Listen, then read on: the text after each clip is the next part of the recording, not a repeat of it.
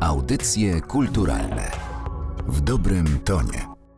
Dzień dobry Państwu, Anna Karna. Witam w audycjach kulturalnych. Dziś zaprosimy Państwa do Pałacu Czapskich, do Muzeum Akademii Sztuk Pięknych w Warszawie na pierwszą w historii wystawę monograficzną artysty projektanta, profesora i ostatniego przed wojną rektora uczelni Wojciecha Jastrzębowskiego. Ze mną kuratorka wystawy, projektant Wojciech Jastrzębowski 1884-1963 pani Joanna Kania. Dzień dobry. Dzień dobry pani, dzień dobry państwu.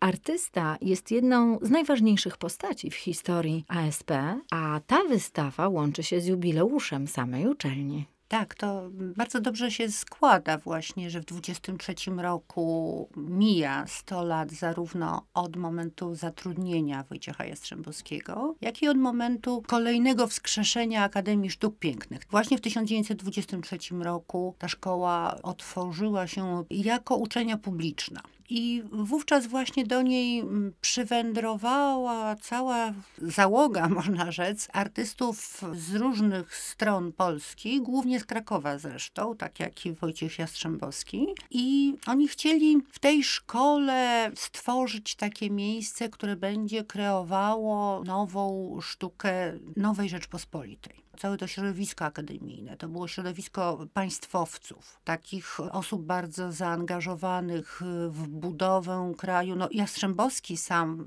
przecież to był legionista, to był żołnierz 1920 roku, a wcześniej jeszcze przecież uczestnik strzelca i przeróżnych tajnych kółek, czyli zdecydowanie taki artysta, który miał w swoim życiorysie również ten element aktywnej walki o tę nową państwowość i no nie był jedyny wówczas w tym środowisku. I oni doskonale wiedzieli, jaki to jest fantastyczny, mm, no można powiedzieć, zbieg okoliczności, także właśnie im się przydarzyło, że będą mieli tę okazję budowania nowej kultury polskiej, takiej, która będzie gdzieś tam nawiązywała do tradycji, no ale też wychylała się w przyszłość. To było takie, wyraźnie taka postawa poszukiwania adekwatnego języka dla teraźniejszości, ale z ogromnym szacunkiem i kultywowaniem tych wszystkich wątków z przeszłości, w tym właśnie takiego wątku ludowego, który był w sztuce Wojciecha Jastrzębowskiego bardzo rozpoznawalny. Jastrzębowski był urodzony w ogóle w Warszawie, w bardzo interesującej rodzinie zresztą. No, jego dziadkiem był Wojciech Bogumił Jastrzębowski, twórca pierwszej wersji Konstytucji Zjednoczonej Europy, tak mówimy, tak? którą w 1831 roku stworzył on, pewnie ze swoimi przyjaciółmi w okopach Olszynki Grochowskiej w powstaniu. Potem jego ojciec Wojciecha Tadeusza, tak? tego naszego artysty, walczył z kolei w powstaniu styczniowym, więc ten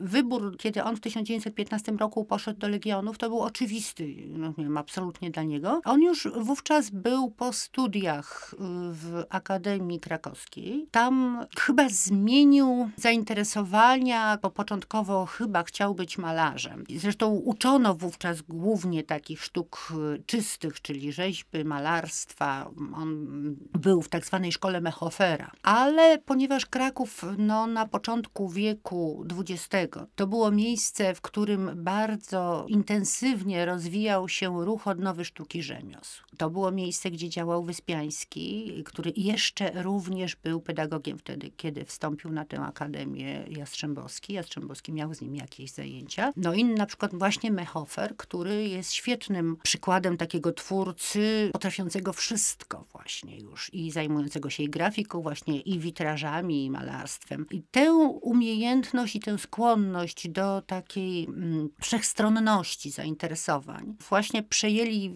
jego uczniowie, w tym Wojciech Jastrzębowski. No i on potem w 1913 roku postanowił zająć się właśnie sztuką użytkową, tak zwaną sztuką stosowaną. I wtedy powstały warsztaty krakowskie. Jastrzębowski był jednym z liderów, inicjatorów powstania tej grupy.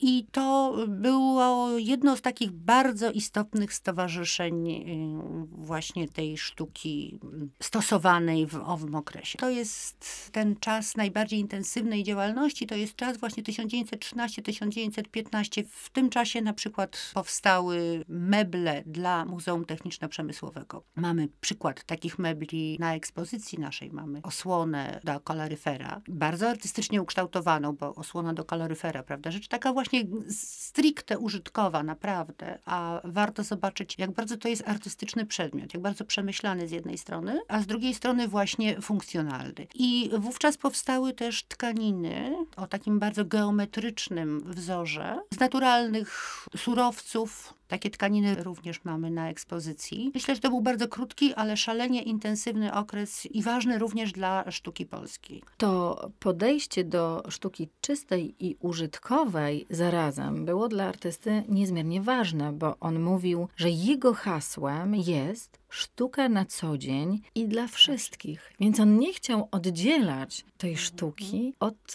człowieka. To były ideały arts and craft, czyli sztuki, która zajmuje się kształtowaniem codziennego środowiska człowieka właściwie i ma też takie ideały kształtowania nie tylko postawy estetycznej tego odbiorcy sztuki, ale też etycznej. To są platońskie tropy, tak, dobro, piękno, prawda, które się w tym wszystkim jednoczą, ale to wszystko, no właśnie na przykładzie osłony od kaloryfera. To nie są przedmioty tylko do podziwiania, tylko przedmioty do używania, do codziennego kontaktu. I Jastrzębowski do końca życia był tymi ideałami przesycony. Dlaczego Wojciech Jastrzębowski nazywany był designerem II Rzeczypospolitej? To jest y, fantastyczny termin, taki bardzo obejmujący przeróżne cechy jego działalności. Designer II Rzeczypospolitej, ponieważ zarówno jest to projektant bardzo ważnych wnętrz, reprezentacyjnych wnętrz y, tego państwa. Na przykład można przywołać tutaj Ministerstwo Wyznań Religijnych i Oświecenia Publicznego, obecnie w Alei Szucha Ministerstwo Edukacji i Nauki, którego wnętrza zachowały się na całe szczęście i które są właśnie no, takim pomnikiem, przykładem zarówno polskiego art deco, to bardzo wyraźne jest ta cecha stylistyczna, jest mocna w tych wnętrzach, ale zarówno tego podejścia jastrzębowskiego, pełnego szacunku gdzieś do do tradycji, upodobania do, do materiałów lokalnych, właśnie drewna polskiego, do ciepła tego drewna, jakiejś takiej atmosfery właśnie, która w takim wnętrzu przeznaczonym rzeczywiście do reprezentacji, o takiej dużej skali, y, stosunkowo surowym i geometrycznym, w dalszym ciągu zachowuje owo ciepło i właśnie taki rys y, tradycji pewnej takiej delikatnej, gdzie niegdzie ludowości. To jest bardzo delikatne akurat w tym wnętrzu, ale można się tam również dopatrywać takich cech charakterystycznych właśnie dla jego podejścia,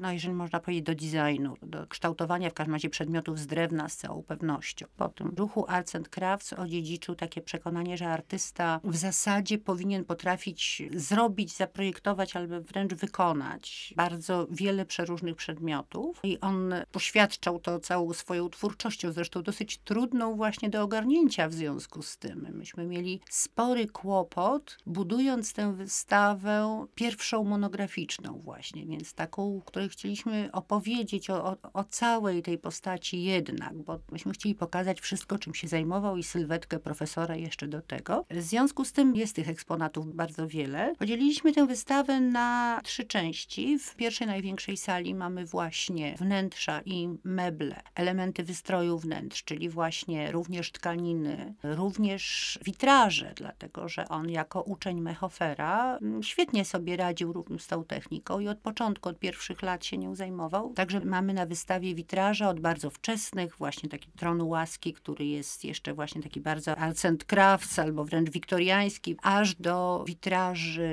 z 1918 roku, takich bardzo niewielkich, przeznaczonych dla Józefa Piłsudskiego, przywołujących z kolei wątek legionowy, bo to są takie nieduże witrażyki z legionistą i z ułanem. Więc pierwsza sala właśnie meble wnętrza zarówno wnętrza publiczne, tak jak właśnie owo ministerstwo, z którego mamy kilka pożyczonych mebli, ale są również wnętrza sakralne, którymi zajmował się na samym początku, w 1918 roku, po I wojnie światowej. On razem z Tadeuszem Stryjeńskim, czyli starszym Stryjeńskim, uczestniczył w odbudowie takiego małopolskiego kościoła w Radłowie. I tam projektował wyposażenie, również witraże. To jest wspaniałe wnętrze. To pierwsza część wystawy, a mhm. dalej e, oglądamy pracę, które zatytułowali Państwo Symbole i codzienność. I to jest właśnie ta przestrzeń, o której mówiliśmy, że sztuka ma się przenikać z codziennością, ma być też sztuką użytkową, a więc taką sztuką bardzo bliską człowiekowi.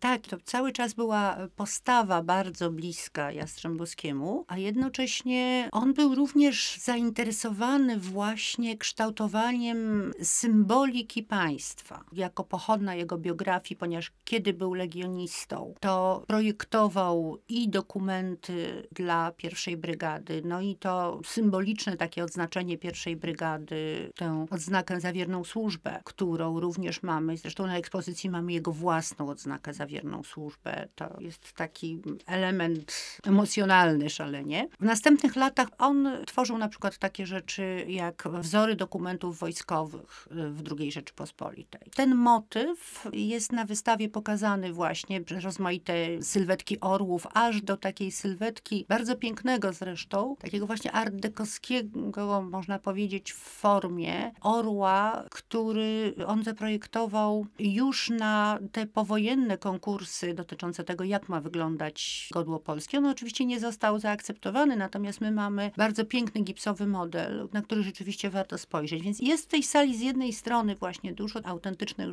rzeczywiście symboli państwowości polskiej. Natomiast z drugiej strony jest sporo projektów dotyczących życia codziennego. I to między innymi są monety. Jastrzębowski projektował zarówno monety groszowe, które w czasie II Rzeczpospolitej właśnie od 23 roku były w obiegu i te wszystkie monety są na ekspozycji, jak i uczestniczył w konkursach na monety na, y, po II wojnie światowej. W 1958 roku wygrał konkurs na dwuzłotówkę. Tak zwane jagódki, które podobnież zresztą są jabłuszkami, ale, ale zawsze funkcjonują jakoś właśnie w te, pod tą nazwą jagódki. Bardzo piękny projekt. Mamy takie szczęście, że mamy model gipsowy duży tej monety i projekty również mm, profesora, takie widać, jak sobie szkicował, jak miał jakieś przeróżne pomysły, to wszystko też jest umieszczone na wystawie. A poza tym w tej sali są również na przykład projekty zabawek, kloszy do lamp, także mm, bardzo różne przedmioty,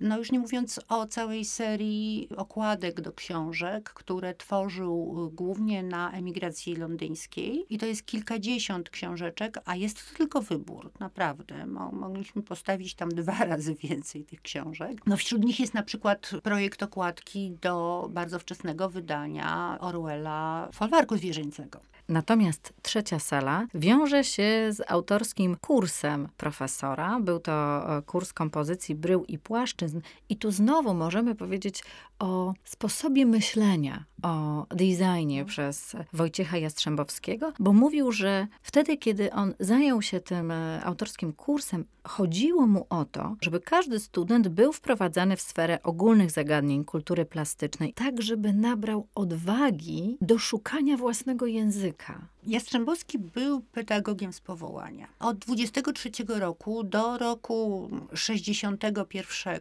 a nawet jeszcze chwilę później kończył pracę na akademii, głównie zajmował się właśnie tymi studentami najmłodszymi, czyli pierwsze dwa lata. Taki kurs, który miał dać studentom umiejętność patrzenia na świat właśnie w kategoriach kompozycji. On był bardzo wielostronny i studentów też w tej wielostronności uczył. To był kurs, który od najprostszych zadań, takich na papierze, rozrysowania czegoś na papierze, tak podziału koła na przykład, poprzez właśnie bryły też kształtowane no, w prostych materiałach, czy to była glina, czy to był gips, w każdym razie przez studenta samodzielnie kształtowane jakoś tam przy okazji stawiania rozmaitych zadań przez profesora, on doprowadzał do kompozycji bardzo złożonych, bo na przykład pod koniec drugiego roku na kompozycji bryły płaszczyzn można było projektować wnętrze własnego pokoju, można było wykonać model jakiegoś mebla, także oni mogli wybrać, mogli się czymś zachwycić, zastanowić się, czy tkanina, czy malarstwo, czy zostaną rzeźbiarzami. Mieli na to dwa lata, ale musieli się w tym czasie zmierzyć właśnie z kilkudziesięcioma zadaniami, które nakłaniały ich do poważnego traktowania każdej kompozycji, każdego materiału też. I jakie echa właśnie takiego myślenia widzimy na wystawie? Mamy całą trzecią salę poświęconą właśnie refleksom i odbiciom i temu, co jeszcze trwa, wydaje nam się, w nauczaniu y, Akademii. Wielu spośród powojennych profesorów Akademii Sztuk Pięknych Warszawskiej to byli uczniowie mm, Wojciecha Jastrzębowskiego, bezpośrednio. Świadectwo tego wszystkiego, właśnie takiego trwania, spierania się, przetwarzania tych zadań mamy właśnie w trzeciej sali, bo to są prace studentów. Zarówno tam pokazane są niektóre prace studentów samego Jastrzębowskiego, ale głównie właśnie mamy prace uczniów, jego uczniów, uczniów jego następców, aż do całkowitej współczesności, aż do prac współczesnych, już zupełnie innych technikach, bo na przykład filmy są pokazywane, takie króciutkie. A więc ta myśl Wojciecha Jastrzębowskiego trwa. Z całą pewnością trwa. Można powiedzieć zresztą, że nie tylko w Warszawskiej Akademii, bo jego studenci, jego uczniowie po wojnie uczyli w rozmaitych wyższych szkołach plastycznych w całej Polsce. I sądzę, że gdyby zrobić takie bardzo dobre badania, to okazałoby się, że te elementy kształcenia są w większości wyższych szkół artystycznych w Polsce. To naprawdę jest y, taki pomnik niematerialny, ale naprawdę bardzo istotny. Ja sądzę, że on by się z tego najbardziej cieszył tak naprawdę. Bo był pedagogiem, właśnie takim natchnionym pedagogiem, jeżeli można coś takiego powiedzieć. Tkaniny, witraże, meble, medale, grafika użytkowa i sposób myślenia artysty. To wszystko mogą Państwo zobaczyć na pierwszej monograficznej wystawie Projektant Wojciech Jastrzębowski w Pałacu Czapskich w Muzeum Akademii Sztuk Pięknych w Warszawie. Do kiedy możemy wystawę oglądać? Wystawa jest czynna do y, maja przyszłego roku, ale chciałam Państwa od razu zaprosić na najbliższe takie wydarzenie y, związane z nią, mianowicie 12 mm, grudnia o godzinie 18 w Pałacu Czapskich. Będzie odbywać się wieczór autorski poświęcony książce Elżbiety Jastrzębowskiej, wnuczki profesora, traktującej właśnie o tradycjach swojej rodziny, między innymi właśnie opisującej przeróżne wydarzenia i w taki bardzo ciepły sposób szkicującej mm, sylwetkę profesora Jastrzębowskiego. I towarzyszące y, temu będzie oprowadzanie autorskie, czyli 12 grudnia o 18 w Pałacu Czapskich. Zapraszam Państwa serdecznie. Zapraszamy Państwa, a bohaterką dzisiejszej audycji była kuratorka wystawy pani Joanna Kania. Bardzo dziękuję za rozmowę. Dziękuję Pani bardzo. Do widzenia. Audycje kulturalne w dobrym tonie.